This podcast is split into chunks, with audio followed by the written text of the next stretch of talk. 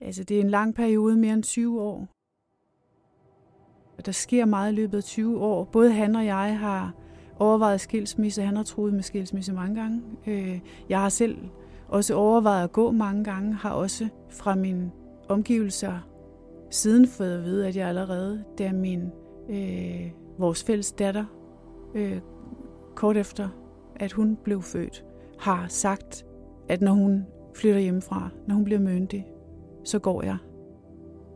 Og der ligger jo i den udtalelse øh, erkendelsen af, at jeg ikke kan gå før.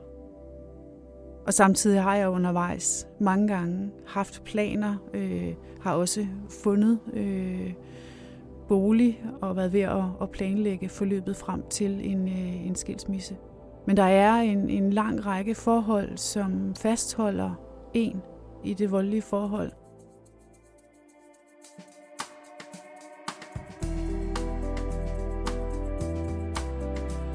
Velkommen til vores podcast til Volden og Skiller.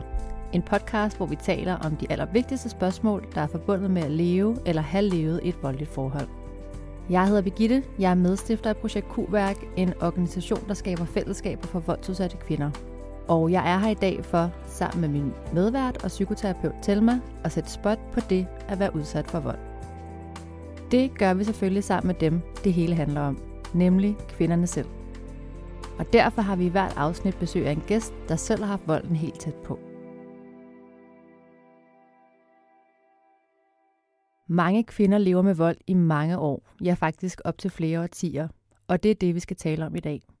Vi skal snakke om, hvordan man overlever i volden i så mange år, hvordan man navigerer, og hvad man står tilbage med, når tæppet endelig falder. Og øh, hvordan det er at skulle forholde sig til alle de år, som har været farvet af volden. Og til det har vi besøg af Berit i dag, der fortæller sin historie om at leve med volden i mange år. Så hjertelig velkommen til, Berit, og tak fordi du vil komme her i dag. Selv tak. Og tak til dig, Telma, for som altid at være med os i studiet og bidrage med din viden om, om vold i nære relationer. Tak for det.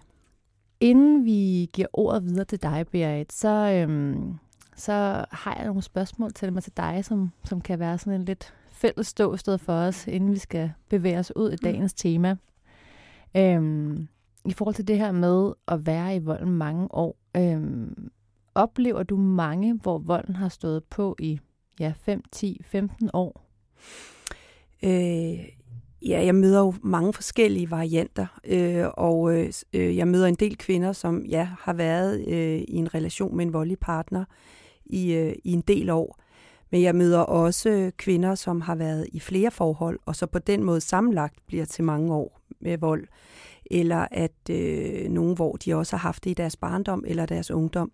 Så man kan sige, at der er jo mange forskellige måder, øh, varianter af at have haft volden i sit liv i lang tid. Men, øh, men ja, jeg møder en del, hvor at det er mange år, de har været med den her partner. Og kan man sige noget generelt om, hvad den store forskel er på øhm, at være i vold en kortere tid, lad os sige et års tid, øhm, og så være i, i et voldeligt forhold i, i lad, lad os sige 10 år? Øhm, altså sådan helt generelt, så er, er jeg aldrig særlig meget for at niveau, niveauopdele, hvad skal man sige, øh, øh, voldshistorier eller længden på vold, fordi vi ved ikke, øh, hvordan det er for den enkelte at være i en relation, hvor der bliver brugt vold. Øh, fordi der kan være, altså det kan være så mange forskellige øh, faktorer, der gør, hvordan man bliver påvirket af det her forhold. Øh, graden af vold, øh, intensiteten, øh, øh, hvilke ressourcer man i forvejen, ens historie, øh, hvad man havde med sig i bagage, hvilke ressourcer der var omkring en. Så øh, jeg har også oplevet øh, kvinder, hvor de har været i volden i kortere tid, og virkelig er ramt af den, fordi det har været meget voldsomt øh, for dem. Når det så er sagt, øh, så er det klart, at hvis du har været i et forhold i meget lang tid, hvor der bliver brugt vold, så øh, er det jo også i virkelig, virkelig lang tid, at det har været en del af din hverdag. Øh, og hvor at der er jo alle mulige ting, som øh, gør, at volden måske er blevet mere og mere normaliseret. Men for, for den, der oplever det, at det jo at være i stress og alarmberedskab i så mange år, jo med til at nedbryde en psykisk, øh, og øh, der er jo en masse følgevirkninger ved det. Øhm, Og så øh, for nogen kan de måske have mødt den her partner, da de var unge, for andre lidt senere i livet. Det, der kan være forskellen, det er, at, øh, at du jo, når du kommer ud på den anden side af det her voldelige forhold, øh, måske har øh, 5, 10, 15, 20 år liv, du på en eller anden måde skal reorientere dig fra bagefter. Øh, og det er jo alt fra hverdag, øh, vennekreds, børn, øh, for ikke, og så er der jo så alle de psykiske men og fysiske men, der kan have været. Ikke? Så øh, vold øh, i nære relationer er aldrig sundt, og det er jo klart, hvis du er i det i rigtig, rigtig mange år, så øh, har det nogle store konsekvenser, eller kan have det. Mm. Mm. Og kan man sige, at det er noget med, at det har fået lov til at sætte sit aftryk på måske flere aspekter af ens liv? Kan man sige det, når det har stået på i længere tid? Øhm, ja, det kan man jo godt sige, fordi hvis du jo for eksempel har fået børn sammen og har haft et langt liv, hvor der også har været børn, som jo også har været vidne til den vold, der er sket. Børn, du måske har skulle beskytte. Børn, du har håbet på, ikke opdaget, hvad der i virkeligheden foregik. Så, øhm, men også, altså, kan man sige, hvis du har været i et forhold i, lad os sige, 15-20 år og kommer ud på den anden side, så øh, øh, kan det jo godt tage, tage rigtig lang tid ligesom at finde sit nye ståsted. Øh, og øh, alt det, der skal bearbejdes efter de mange år. Og man kan jo også sige, at en del af voldens mekanismer er jo blandt andet, at, øh, at der er meget kontrol og magt. Øh, og det, at øh, øh, når du er sammen med en, der bruger vold igennem mange år, så sker der ofte det, at du også bliver afhængig af den person, som, øh, som bruger volden. Og øh, det siger jo sig selv, hvis du i rigtig mange år er sammen med den partner, så er, øh, hvad skal man sige, afhængigheden af den, der bruger volden, måske også blevet endnu mere mm. intens. Så, så det virkelig kan være svært at finde ud af, hvad der er op og ned, og, og at øh, den der oplevelse af ens egne følelser og tanker og behov er fuldstændig blevet slettet øh, igennem det her. Ja. Sådan så man skal også virkelig tilbage og begynde at stole på det, man selv mærker.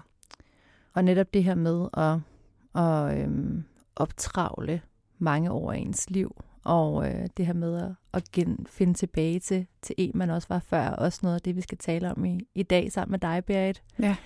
Øhm, så inden vi springer helt ud af det, vil jeg lige lave en indflyvning til, hvem det er, der sidder over for mig i dag i vores gæstestol. Øh, for Berit, du er i dag i midten af 50'erne, og du har været i et voldeligt forhold i cirka 20 år med en mand, som du også har en datter med. Ja. Og øhm, så forlod du ham for cirka to og et halvt år siden. Øhm, og på det her tidspunkt forlader du et forhold, som, som du beskriver som et udadtil øh, almindeligt godt middelklasseliv. Det er rigtigt, ja. I møder jo hinanden på en arbejdsplads, øh, helt tilbage. Nu skal vi jo mange år tilbage, men, øh, men på det tidspunkt møder I hinanden på, på en arbejdsplads, og I bliver forelsket og finder sammen ret hurtigt. Øhm, så helt til at starte med vil jeg høre lidt om jeres første tid sammen, om, om der er nogle alarmklokker, der allerede ringer her. Ja, det er rigtigt. Jeg har levet i mere end 20 år øh, i et på overfladen velfungerende forhold, som øh, desværre også øh, under facaden var voldeligt. Det var usundt, øh, og når man har været i noget så længe, så er det et stort puslespil bagefter og finde ud af, hvad der egentlig er foregået med en. Og den kompleksitet har jeg arbejdet med igennem de sidste øh, to og et halvt år, siden at jeg gik fra ham.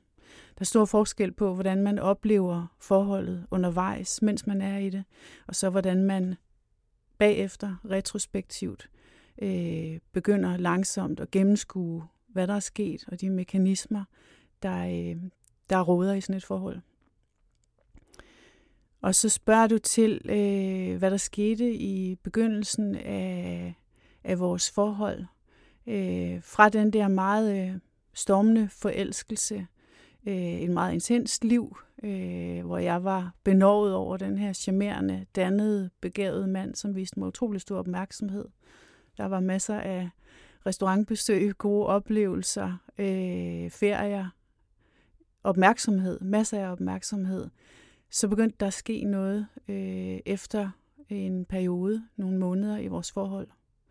Og det skete øh, samtidig med, at øh, jeg var udfordret. Jeg øh, havde en infektion, jeg blev syg. Øh, kort tid efter blev jeg gravid, øh, og øh, knap halvvejs, jeg tror måske, ja, knap halvvejs i graviditeten, der øh, mister jeg barnet Øh, han har friet til mig. Øh, vi bliver gift 14 dage efter, tror jeg. Øh, og så, øh, så er der en periode, hvor jeg er rigtig presset, hvor jeg får infektioner, hvor jeg er indlagt, og hvor jeg lige så langsomt får svære ved at passe mit arbejde. Jeg skal påtage mig ekstra timer, og, øh, og øh, jeg føler egentlig, at min base den undermineres i de der måneder, jeg er så presset, så jeg mister overblikket. Og øh, min eksmand øh, beder mig om at skifte job, øh, hjælper mig med at søge nyt job, hvilket betyder, at, at det job, som jeg ellers er helt utrolig glad for, og som jeg elsker, at, øh, at den base, den forsvinder også. Så det, det karakteriserer både, hvad skal man sige, tiden før og efter brylluppet, det her med, at tingene ændrer sig rigtig meget for dig. Øh, altså yeah. de omstændigheder er, er, er ændret. Ja, øh, altså ja. man kan sige, øh, fra vi bliver gift og til vi fejrer brylluppet, der går der en, en periode, og det er faktisk i den periode, at, at øh, tæppet skrider under mig. Øh, og det er der, jeg i dag nok ser, at den psykiske vold begyndte i den periode. Og, og hvilke tanker og følelser går der igennem dig i denne her periode? Øh, måske særligt efter brylluppet. Øh, hvad tænker du om det, der sker? Jeg er utrolig forvirret. Jeg øh, føler, jeg har mistet fodfæstet. Jeg øh, kom ind i forholdet stærk. Øh, jeg havde et hus, et godt job, som jeg var glad for. En, en øh, datter, øh, meget vidunderlig datter, øh, og havde øh, med den bagage, jeg også havde med, for det har vi jo alle sammen, når vi unge mennesker har, har været igennem andre ting, øh, der, øh, der følte jeg mig klar og parat til fremtiden, glædede mig til det liv, jeg skulle leve. Og øh, der øh, undergår jeg simpelthen en forvandling i løbet af, af meget kort tid. Kan du tale om, om det med ham, altså at jeres forhold har, har ændret sig, og at, og at det ændrer dig? Det, der sker i den samme periode, er, at jeg, fordi jeg er så presset, også øh, har nogle følelsesmæssige øh, øh, altså, udsving, kan man sige. Og det betyder, at han undervejs i det her forløb øh, anklager mig for at være psykisk ustabil. Han siger det også til andre. Og øh, jeg har, der er nogle ting, jeg ikke husker helt i dag, men kan i hvert fald øh, se det, genkende det i, i det, jeg kan, kan læse og høre mig til andre steder. Øhm, så, så dialogen er sådan set øh, på hans betingelser, kan man sige. Det er, det er ikke mig, der får lov at, at udlægge og fortolke situationen. Berit, du har fortalt mig, at øh, du også blev udsat for, for fysisk vold. Øh, hvornår sker det første gang? Ja, det er rigtigt. Jeg blev udsat for fysisk vold, og, og det er måske også øh, vigtigt at få frem, at det faktisk øh, er meget sent, at jeg bliver klar over, at jeg er udsat for psykisk vold. Det er jeg slet ikke opmærksom på. Den fysiske vold begynder lige efter vores bryllupsfest. Vi er på rejse og kommer fuldstændig øh, som et chok for mig, pludseligt, som en reaktion på en banal konflikt, meget voldsom vold. Øh, jeg er chokeret, oplever det fuldstændig absurd, uvirkeligt, at den slags kan ske for mig, og øh, føler tvivl over min egen skyld, mit ansvar i det, der er sket. Og det er, det er blot den første af rigtig mange gange, hvor jeg bliver udsat for vold. Det, det du beskriver lyder på en måde sådan lidt banalt sagt, som om det kommer fuldstændig som lyn fra en klar himmel. Øh, og jeg forestiller mig, at det virkelig må have været så voldsomt og sådan en chok. Og du siger, at du bliver i tvivl om din egen skyld ind i det. Men hvad går der, altså, hvad sker der lige efter det, eller hvad går der igennem, der er følelser og tanker lige efter den meget sådan voldsomme oplevelse? Altså, jeg kan huske, jeg kan huske en del fra begivenheden. Jeg kan huske, hvor vi var. Jeg kan huske, hotelværelset. Jeg kan huske nogle af de ting, han gjorde. Jeg kan også huske nogle af mine følelser, mine tanker. Men jeg kan også huske øh, lammelsen, ja. afmagten, at jeg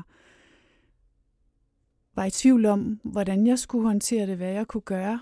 Øh, jeg havde netop fejret et, jo i hvert fald på overfladen, lykkeligt bryllup sammen med alle venner og familie. Og der stod jeg forslået. Øh, og lammet. Mm-hmm. Uden øh, evne til at håndtere situationen, handle. Hvor meget dialog der var. Øh, resultatet bliver i hvert fald, at vi fortsætter vores rejse uanfægtet. Og allerede der, der øh, sker der en eller anden form for... Øh, øh, der starter det der dobbeltliv, kan man sige, som, mm. som jeg kommer til at leve igennem mange år, hvor jeg på overfladen jo lever i et velfungerende parforhold og familieliv, men nedunder kæmper med øh, konsekvenserne af traumerne. Mm. Du har fortalt, Berit, øhm, at han jo faktisk indrømmer og ved, at han er klar over, at han, at han bruger fysisk vold mod dig. Øhm, og at I rækker ud efter hjælp sammen øh, i forhold til det. Hvad, hvad sker der, da I rækker ud efter hjælp? I første omgang er det en positiv oplevelse. Dels at han gerne vil have, at vi får hjælp, men også mødet med sundhedsvæsenet, som faktisk igennem alle de øh, 20 år, mere end 20 år, vi er sammen, egentlig er en spiller i vores forhold, må man sige. Jeg, øh, vi bliver mødt både hos praktiserende læge og hos øh, den psykolog, han kommer til, øh, af, jeg bliver mødt af spørgsmålet eller kommentaren, du skal gå. Det vil jeg ikke. Øh, så bliver jeg af min praktiserende læge mødt med øh, bekymring. Du skal vide, Berit, at kvinder udsat for vold bliver psykisk syge. Det var jo omsorgsfuldt. Og øh, jeg oplever, at vi på en gang bliver taget alvorligt, men efterhånden bliver det også klart for mig, at hverken den praktiserende læge eller hans behandlere gennemskuer, at det ikke er en ægteskabelig konflikt, og at de ikke forstår, hvorfor jeg ikke vil gå. Hmm. Og jeg kan kun prøve at forestille mig, Berit, hvordan det må være det her med, at faktisk at du kan tale med din eks om, at det her det sker, og I rækker ud efter hjælp. Og jeg forestiller mig, at det må have været faktisk en stor lettelse, okay, at du tænker, nu får vi faktisk hjælp. Øh, og at den lettelse, og måske det håb, det også giver, at det er også det, der er med til at gøre, at, at du tænker, jeg kan jo ikke gå nu, fordi nu får vi hjælp, eller fordi du siger, der er faktisk nogen, der siger til dig, at du skal passe på dig selv og gå, mm. og samtidig øh, tænker jeg, at, at I får jo i talsat problemet. Vi får i talesat problemet. Øh, han bliver diagnostiseret mm. og mhm. medicineret. Og det betyder også, at jeg føler stort ansvar for ham. Og et øh, ønske om at være med til at understøtte den proces, der er sat i gang. Så der er et par år, hvor jeg kæmper for at, øh, at hjælpe øh, hans behandling mm. på vej, kan man sige. Ja, så, så Berit, det, det er en psykisk sygdom, han bliver diagnostiseret ja. med. Ja, øhm, eller flere. Ja. Eller flere. Så han får ligesom, der I rækker ud, det gør, at han får, får en diagnose eller diagnoser, får hjælp til dem. Men hvilken hjælp får du eller I i forhold til den vold, der jo allerede her har fundet sted? Får I nogen hjælp overhovedet? Får øh, du nogen hjælp? Altså ja og nej. Jeg synes, det, jeg synes, det er meget komplekst. Øh, der findes en psykiater, der hedder Birgit Pettersen, som allerede i 2005 skrev en artikel i Ugeskrift for Læger, hvor hun øh, udreder, øh, hvad man bør gøre i den slags situationer, hvor kvinder øh, udsættes for vold.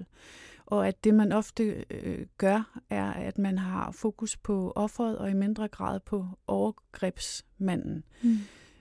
Og øh, i princippet kan man sige, her var fokus jo på overgrebsmanden, men, men på forkert måde. Forstået på den måde, at han egentlig bliver offeret. Det er ham, der får hjælp.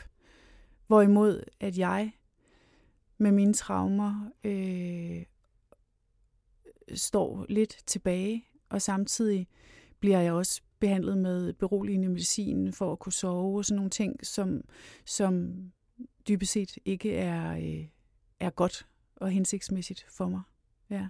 Altså dine symptomer bliver behandlet, men det bliver ikke anledning til at tale om, hvad det er, du har oplevet. Øhm. Ikke hvad jeg har oplevet, og det grundlæggende problem, volden hører jo ikke op. Det grundlæggende problem, årsagen til det, jeg bliver udsat for, bliver aldrig øh, klarlagt.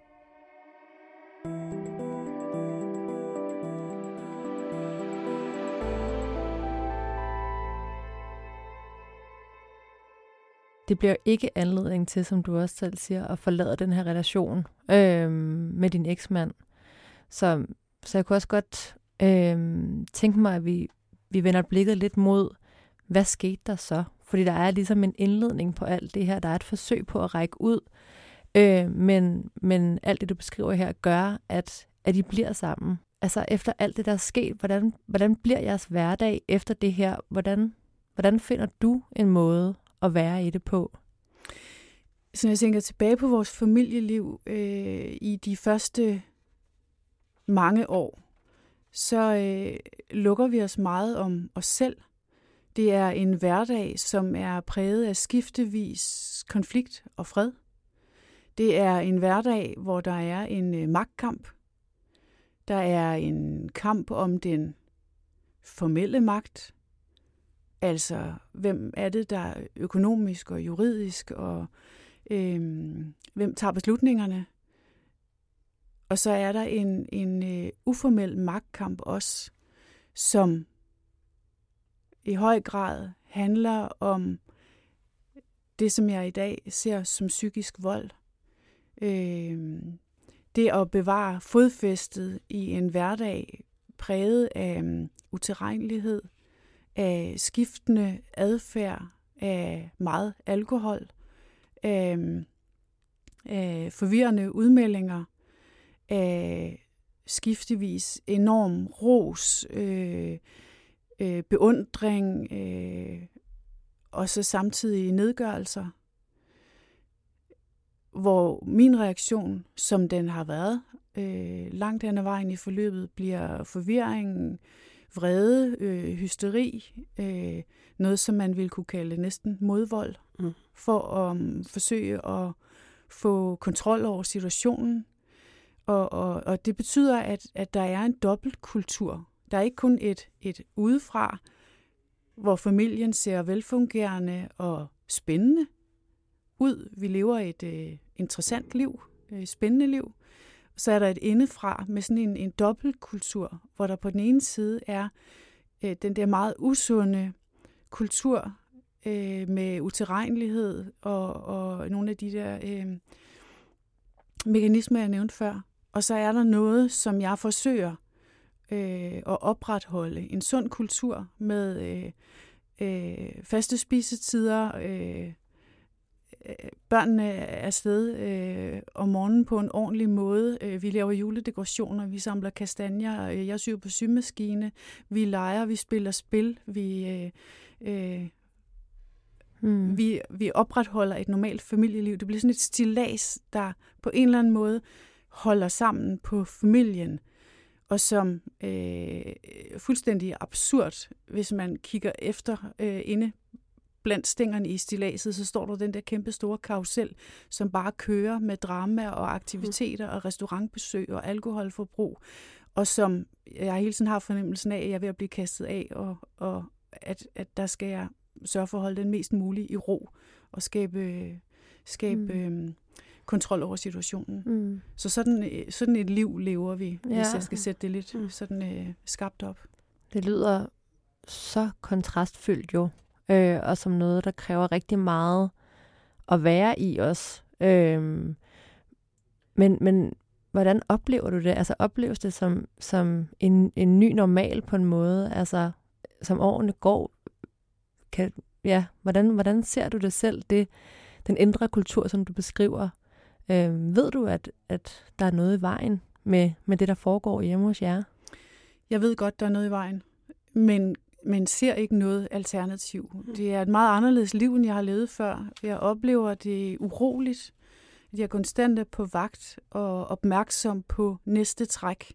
Hvad skal jeg gøre for at undgå, at prik, prik, vreden kommer, uroen opstår. Øh, der er rigtig mange regler for, hvordan vi skal leve, og hvordan hverdagen skal fungere. Øh, så, så vagtsomhed og, og uro øh, er nok sådan øh, grundfølelser, og samtidig den fornemmelse af, at, at der ikke er nogen vej ud. Det lyder som om, Berit, at det allerede er ret få år efter, I, I er blevet gift og fundet sammen, at du ved, at, at der er noget i jeres forhold, der ikke er sundt. Hvad gør, at du bliver så længe? Hvad, hvad er dine grunde til øhm, at blive med ham?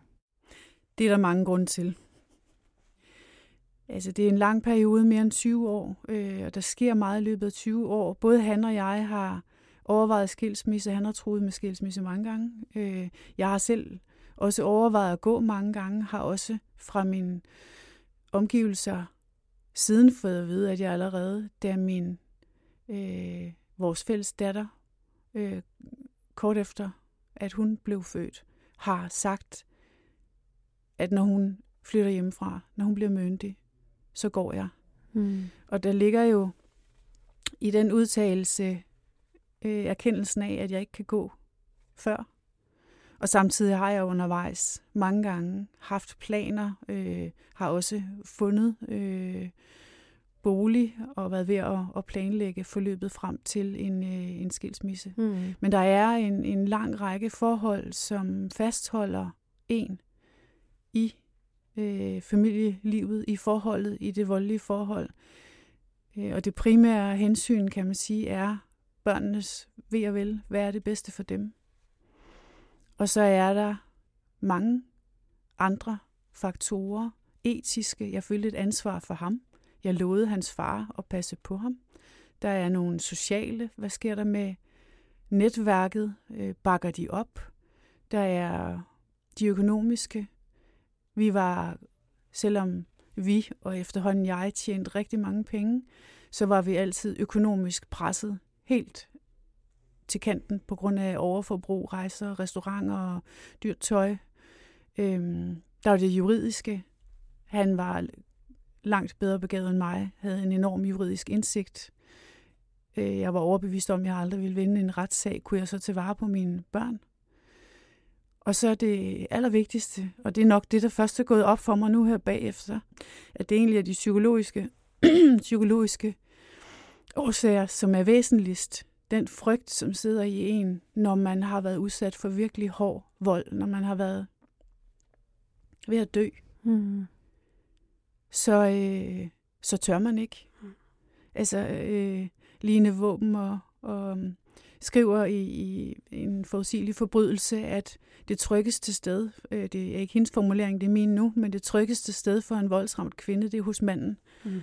Fordi der er man trods alt, øh, og det er så mine ord, i en eller anden forstand hans medspiller og ikke modstander. Mm.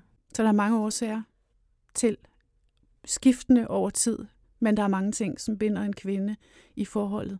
Og en af dem, udover det, jeg har nævnt, er selvfølgelig, at der sker det, at jeg efter nogle år i forholdet øh, selv bliver fysisk syg. Diagnostisk uafklaret. Lægerne kan ikke finde ud af, hvad jeg fejler. Øh, og efter nogen tid, der, øh, der øh, oplever jeg mistænkeliggørelse. fra sundhedsvæsenet. Hvad er det, der er galt med Berit? Min eksmand var jo sådan set diagnostiseret i en eller anden form for behandling. Berit er ikke diagnostiseret. Der er noget uklart galt med hende med, med øh, symptomer, som peger måske lidt i forskellige retninger. Og samtidig er jeg utrolig bange for, at sundhedsvæsenet skal øh, diagnostisere mig med psykisk sygdom, fordi det vil give min eksmand mm. en magt over mig. Mm. Og det betyder, at jeg begynder at nedtone og benægte volden over for sundhedsvæsenet. Så fra at de egentlig har været min medspiller, ven, så kommer jeg til at stå i opposition til sundhedsvæsenet sammen med min mm. eksmand. Mm.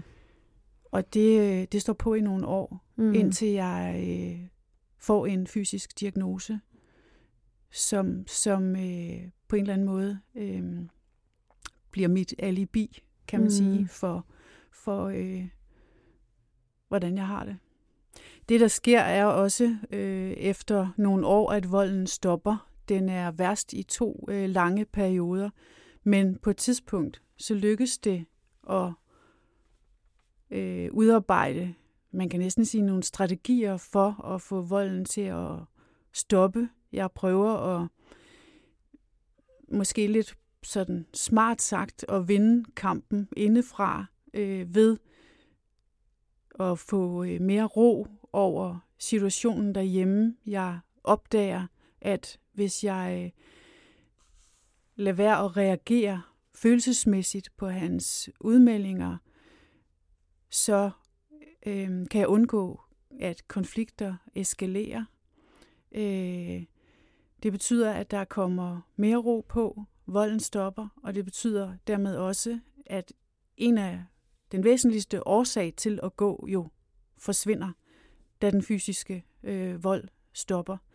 Og samtidig, det er en vigtig pointe, så kæmper jeg også med med skylden stadigvæk. Altså overvejelserne over, er jeg helt, fordi jeg nu har fået volden til at stoppe, eller er jeg egentlig en kryster, fordi jeg ikke er gået? Er jeg offer, eller er jeg i kraft af de ting, jeg har gjort, og den øh, mine reaktioner, min modvold, øh, et ord, jeg lærte af en i kuværk, øh, gør det, at jeg er bødel også. Øh, alle de der begreber øh, kæmper jeg med øh, samtidig med, at jeg altså fortsat er fast øh, besluttet på, at det, det rigtigste i situationen, det er at blive. Hmm.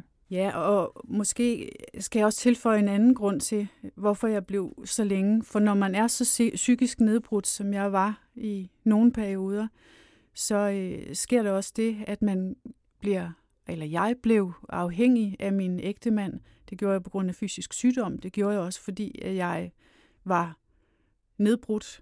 Jeg lod ham rådgive mig i mange situationer, og de klassiske forsvarsmekanismer med kæmp, flygt, frys. Der er også en fjerde, befriend, den at man er nødt til at alliere sig med, med voldsmanden for at overleve. Så jeg var presset. Hvis jeg var gået, havde jeg også risikeret, at den meget voldsomme PTSD-reaktion, der kom efter skilsmissen, den var kommet, mens jeg stadigvæk havde mindre børn, ansvar for dem og for job, og dermed ikke havde kunnet øh, tage vare på, løfte mit ansvar. Det er faktisk noget af det, jeg hører fra rigtig mange af de kvinder, som netop har børn og bliver lang tid i forholdet. Det er jo dels en af konsekvenserne ved at være i, øh, i relation til en voldelig partner, det er, at øh, der kommer så meget psykisk nedbrydelse, at de faktisk jo også mister, hvad skal man sige, øh, overskud og er så ramt, så de begynder også at tro på, at det han hele tiden har fortalt dem er sandt. Men at det at blive med, sin, øh, øh med voldsudøveren faktisk kommer til at føles mere trygt frem for at gå, fordi de dels ved, øh, at det vil være en kamp, og de ikke vil føle, at de vil betroet på, men også, at der er en oplevelse af, at det er den bedste måde, de kan beskytte deres børn, fordi de reelt har en frygt for, om øh, de vil øh, kunne øh, beholde adgangen til deres børn, hvis de går på det tidspunkt. Øh, så det er meget genkendeligt fra andre også, at det er det, der også bliver fastholdelsen. Så dine egne strategier, hvad betyder det, øh, hvad skal man sige, rent lavpraktisk? Altså det, at du bliver dygtig til at, at undvige og navigere, gør, at du, at du bliver, eller at det bliver lettere for dig at blive der bliver færre konflikter, men samtidig forværrer det sådan set min situation mentalt. Det lykkes mig på overfladen at opretholde et normalt liv, passe mit arbejde, passe børnene, men, men kernebæret går i tu. Øh, jeg mister kontakten til mine naturlige følelser og reaktioner. Øh, og det har store omkostninger for mig, øh, når jeg tænker tilbage. Jeg har jo perioder med øh, hukommelsestab i forhold til nogle ting, og samtidig så har jeg også fornemmelsen af, at jeg har levet i mange år uden at være helt i kontakt med mig selv. Hmm. Så det har været, øh, det har haft store omkostninger.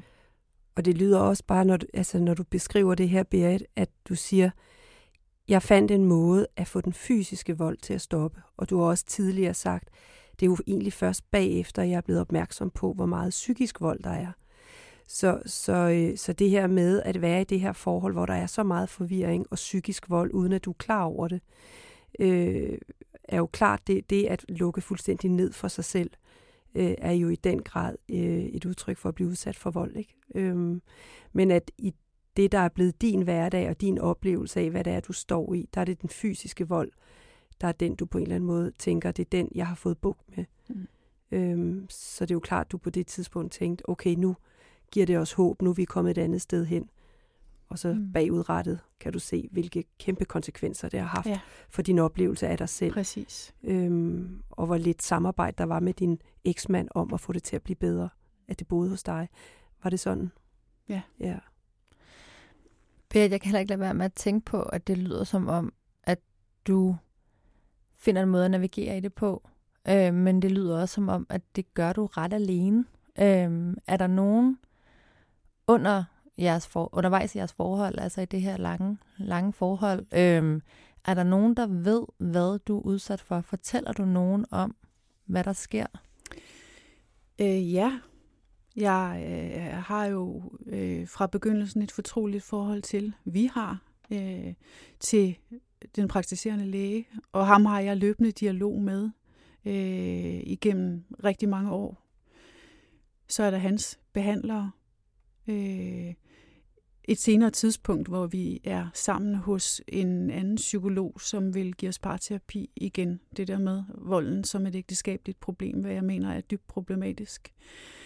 Jeg øh, er også fortrolig med enkelte øh, i familie, omgangskreds øh, og en kollega, som er søde, men i et eller andet omfang også møder, møder mig med mistro og berøringsangst. Og det er, jeg har jeg fuld forståelse for.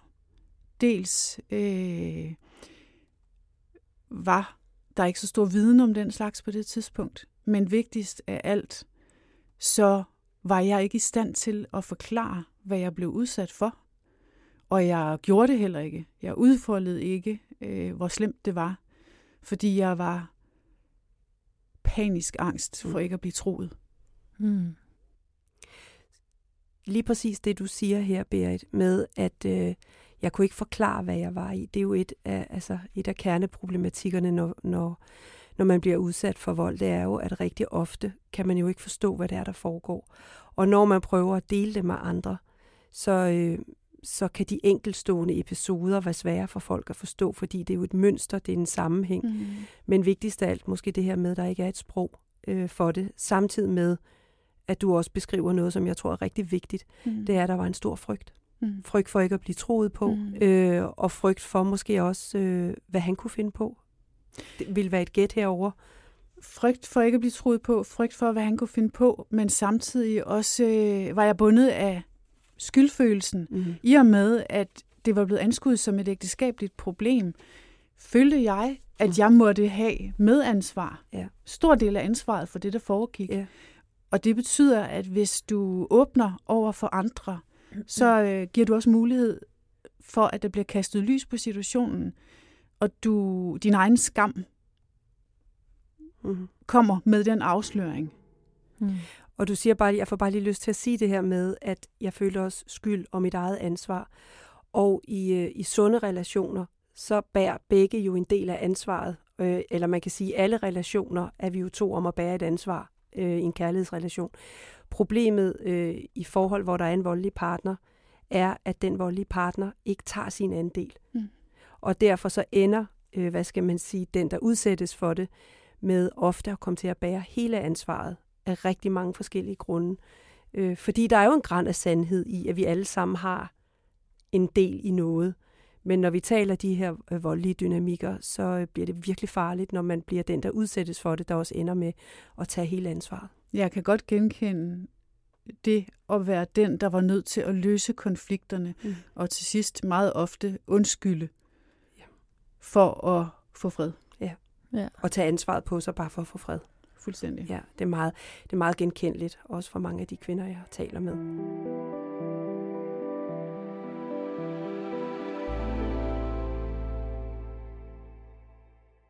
Og nu har vi jo talt øh, om alle, alt det, der holder og holdte dig, Berit, i den her relation i, i de her 20 år. Øh, og, øh, og alle de grunde, der, der var til, at du, at du blev. Så nu kan jeg godt tænke mig, at vi vender blikket lidt mod, øh, hvad der sker efter de her 20 år, fordi du forlader ham jo ja. på et tidspunkt. Hvad var det springende punkt? Hvad fik dig til at forlade ham? Øh, det, der, det er ikke et springende punkt, men en proces, der finder sted i løbet af et par år. Og det er en kombination af momentum. Jeg er blevet fysisk mere syg, må stoppe med at arbejde, så der har jeg ikke nogen forpligtelser og et ansvar. Vores økonomi er mere stabiliseret. Jeg har ikke nogen hjemmeboende børn længere. Og så at jeg i forbindelse med min pensionssag bliver presset af min læge til at indrømme, hvad der foregår, og hvilken vold jeg har været udsat for igennem længere tid. Og der møder jeg, øhm, kan man sige, både omsorg, men også anerkendelse. Der er en læge, der siger til mig, du fortjener bedre. Du skal opleve friheden, men det kræver selvfølgelig mod. Og, og den provokation var god for mig, fordi jeg tænkte, selvfølgelig har jeg modet. Og, og den plan, jeg havde iværksat igennem måneder, en lang liste over, hvad har jeg brug for, en bolig, øh, stabil økonomi osv., øh, som det nu er, når man skal igennem en, en skilsmisse i sådan en situation, juridisk bistand osv., øh, den, den, øh, den plan, den, øh, den realiserede jeg så.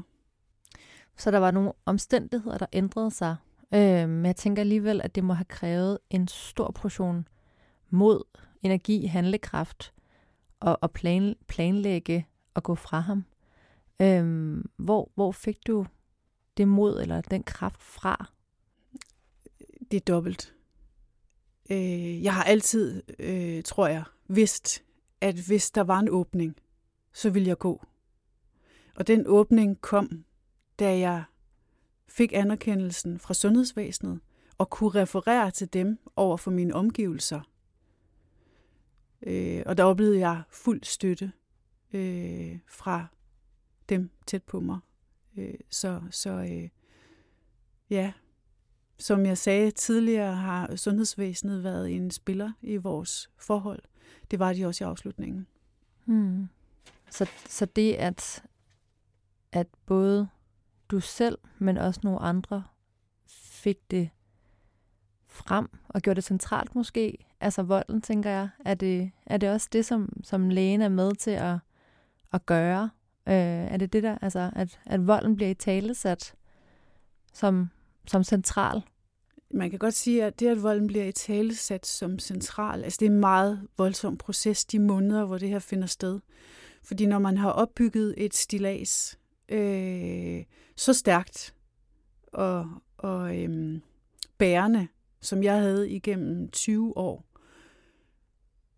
så ramler det jo hele, hele den øh, løgn, kan du kalde det, eller det stilas, eller den facade, som havde været mit liv igennem mere end 20 år, forsvandt. Øh, så jeg var, øh, jeg var medtaget, jeg var rystet, og, og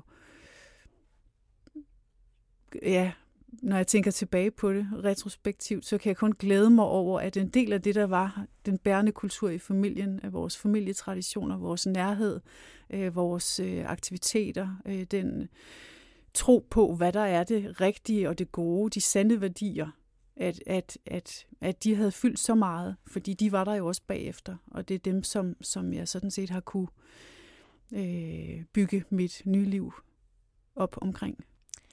Og, og hvad fylder det for dig i den her periode, at det jo har, har været en del af dit liv i 20 år, altså længden på jeres forhold? Hvad, hvad tænker du om det, øh, herefter du har forladt ham? Altså sådan en proces her øh, er jo, nu ved jeg godt, vi snakkede om det der med at undertrykke følelser, når man bliver udsat for vold, men, men der er jo mange følelser. Øh, I begyndelsen havde jeg svært ved at mærke mine følelser, men, men, men de er, der er nogle følelser. Frygten er forfærdelig i begyndelsen. Skammen er fuldstændig overvældende, og hele PTSD-behandlingsprocessen, som, som jo har været meget lang og stadigvæk er i gang øh, for mit vedkommende, handler også meget om skam. Men på et eller andet tidspunkt, så øh, fylder sorgen mere. Og i det her tilfælde er det jo et spørgsmål om, at der er gået mere end syv år. Da jeg stod der i tuslået efter at have forladt min eksmand, der forsøgte jeg at finde, til, finde mig selv, en kvinde på 30 år, øh, men jeg var i 50'erne. Det er overvældende at skulle erkende, at de år er gået, at der er ting, som øh, ikke kan realiseres længere, men samtidig øh, har jeg også forsøgt at holde fast i, at der undervejs også har været gode oplevelser øh, rigtig mange positive ting. Selvfølgelig øh, ikke mindst børnene, øh, men også gode ture på karusellen, hvis vi skal blive i det der billede.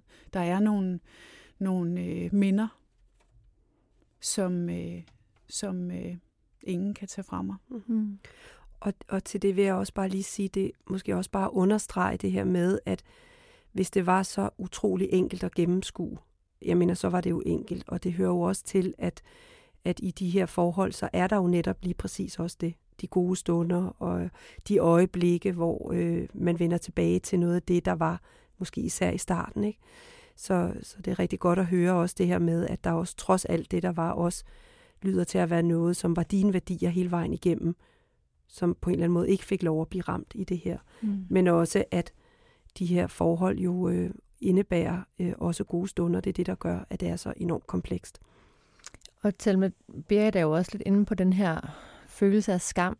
Ja. Øhm, oplever du øh, fra de kvinder, du møder, at der kan være en tungere skam forbundet med øh, at have været i volden, når det nu når det har været længe, altså har været flere år? Jeg har ikke lyst til at graduere skam, fordi det er så individuelt. Men ja, det er jo klart, at, at hvis der er et meget langt liv, så er der jo et stort øh, arbejde, og jeg får også lyst til at sige, at der er ofte meget sorg forbundet med det. Øh, og i den sorgproces knytter der sig jo også nogle gange også en skam over øh, mig selv og, og, og, og den tvivl øh, inde i en selv. Ikke? Men, men det er jo klart, hvis du også er blevet øh, nedgjort og har været udsat for psykisk vold i øh, gennem så mange år, og faktisk ikke engang har været klar over, at det var det, du var, at så vil en naturlig respons på den vold være at vende ind af og betvivle sig selv. Og det er jo også det, du fortæller, Berit. Jeg lukkede ned for mig selv, jeg lukkede ned for mig selv. Og med det følger der jo øh, ofte en kæmpe, kæmpe skam. Mm. Øh, og et stort øh, arbejde med at få opløst den skam og fundet ud af, hvad er mit, og hvad er overhovedet ikke mit. Ja. Ikke? Skammen har i hvert fald et solidt fundament, kan man måske sige, ja. når volden har været til stede ja. Og skam er de følelser, der er allersværest at få greb om, fordi de gemmer sig i mørke, mm. hvis man mm. kan sige det sådan billedligt. Mm. Ja. Og Berit, du sidder også og nikker her Ja, lige præcis. Af.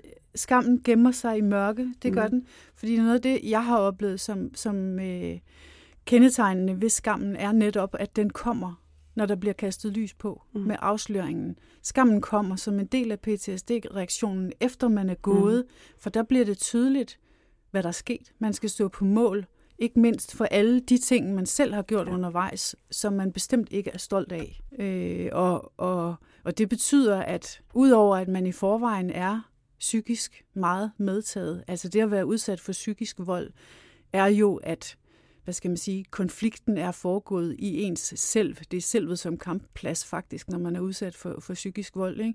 Øhm, I og med, at, at man kæmper både med skyldfølelsen i høj grad over for børnene, ens eget medansvar i de ting, der er foregået, men samtidig skal stå på mål for alt, hvad der er sket øh, igennem de der rigtig mange år, betyder, at det er ubærligt. Mm. Det har været en, en vanvittig hård proces, som hvor jeg bestemt ikke har været stolt af mig selv undervejs.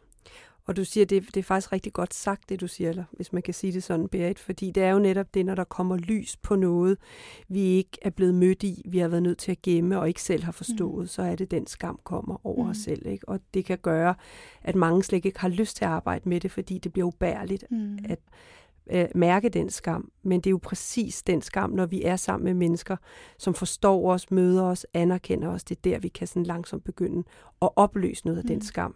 Men, øh, men det tager tid, og det kan være næsten, som du siger, ubærligt i perioder. Mm. Mm-hmm.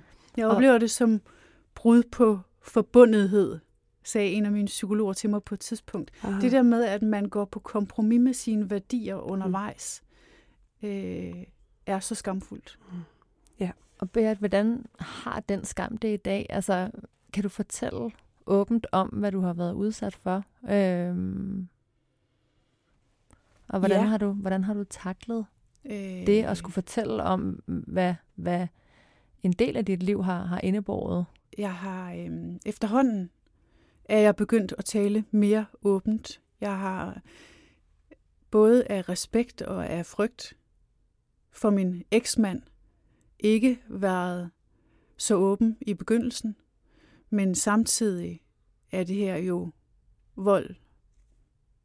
Partnervold er et samfundsproblem, det er et øh, ligestillingsproblem, og det er også for mig og min personlige historie, øh, det er vigtigt for, at mit narrativ hænger sammen, at jeg får lov at tale om de ting, der er foregået, og fortælle, hvordan jeg har oplevet det, der er sket i ægteskabet.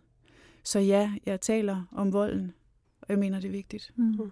Kan du tale om det med dine, dine venner og familie i dag også? Det kan jeg, ja. og det har jeg gjort øh, med gode venner og med min familie fra det øjeblik, jeg gik. Ja. Og hvad har det betydet, at du på en måde har kunne løfte sløret for, for et kapitel af dit liv, som jeg tænker også må komme bag på dem? Altså, hvordan har det været egentlig at indvige mm. dem? Hvad har, hvad har det betydet for, for jeres relationer? Vores relationer er forstærket. Helt klart. Øh, den øh, ærlighed og åbenhed har betydet, at vi har knyttet endnu tættere bånd, end vi har haft tidligere. Hmm. Og hvad, hvad med den frygt der, som vi talte om tidligere? Hvor, hvor er den hen i dag? Er der, er der en frygt tilbage i dig? der er en frygt tilbage i mig. Den har været meget, meget voldsom i hele perioden siden skilsmissen. Den øh, fylder stadigvæk hver dag, men er langt mindre som resultat af effektiv behandling, jeg har fået efterfølgende. Men den er med mig, også når jeg sidder her i studiet i dag. Mm. Og det lyder også til, at den frygt blev plantet utroligt tidligt i jeres forhold. Øhm, og øh, og at du også havde grund til at være bange for ham. Øh, ja. Fordi han jo blev så voldsom. Ja.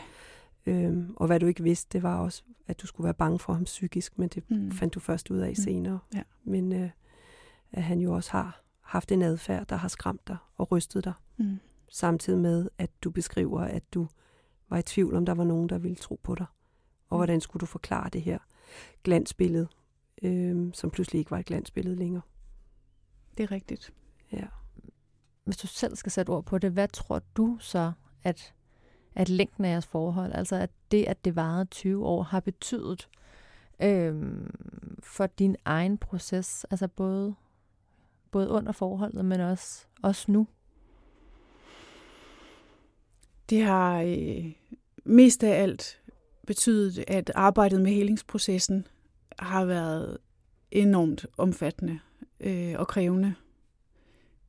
Det at skulle genfinde sig selv, hele sig selv, når øh, ens øh, kerneidentitet i et eller andet omfang har været øh, øh, flået i stykker. Øh, jeg har, når jeg tænker tilbage på mig selv før, og som jeg er ved at blive igen heldigvis, har jeg svært ved at genkende mig selv i nogle situationer undervejs. Så det har været et meget, meget øh, stort øh, Øh, helingsarbejde. Og det puslespil, jeg har lagt, som jeg billedligt kaldte det, øh, med at forstå, hvad der er sket på forskellige tidspunkter i forløbet, i vores forhold, rekonstruere på baggrund af samtaler, øh, journaludskrifter, dagbogsnotater, familiefotos, øh, for at um, få overblik over, hvad der var, der var sket med mig, og hvad min egen andel i det her var. Det har været meget krævende. Og nu er det to og et halvt år siden. Er, det stadig, er du stadig ved at lægge puslespillet? Ja, jeg mangler stadigvæk afgørende brikker, men heldigvis så dukker der hele tiden flere op. Og det er godt, at jeg nu kan begynde at se ikke bare konturerne, men faktisk, øh, men faktisk forstå, hvad der er sket med mig, øh, og forstå, hvordan jeg forhåbentlig kommer videre. Jeg læste om sådan et godt begreb, som hed posttraumatisk vækst. Jeg tror, det er sådan noget positiv psykologi, og jeg sådan klamrer mig til det. Øh, jeg håber, at, øh, at der venter noget godt, og at det trods alt vil kunne på en eller anden måde bidrage til noget positivt i min fremtid. Det, som jeg har været igennem. Her til sidst vil jeg spørge dig, Berit, om, om et godt råd eller en kærlig kommentar. Øh, og den skal gå til dig selv. Så hvis du, hvis du kunne give dit tidligere jeg, Berit, der er øh, i det her langvarige, voldelige forhold, et råd eller en, en kærlig kommentar, øh, hvad skulle det så være? Som jeg vist nok startede med at sige, så er der to synsvinkler. Der er øh, den samtidige undervejs i forløbet med, at tingene sker, og så den retrospektive, den tilbageskuende, der var jeg i dag. Og det bliver to forskellige råd. Fordi hvis det var i dag, og det er jo også for ganske nylig, jeg har forladt min eksmand, så vil jeg sige, dokumenter, søg information, søg hjælp og tal højt om problemet. Der er sidste sommer kommet en øh, rapport om partnervold, som handler om tidlig, effektiv, koordineret indsats mod partnervold. Der er et stort offentligt politisk fokus, som gør, at frygten for, hvad et brud vil kunne føre til, er øh, mindre. Så det vil være rådet, hvis det var som situationen er i dag. Men dengang, i den situation, jeg var i, hvor jeg forsøgte at række ud, men hverken jeg selv eller min omverden forstod, hvad det var, der var på spil.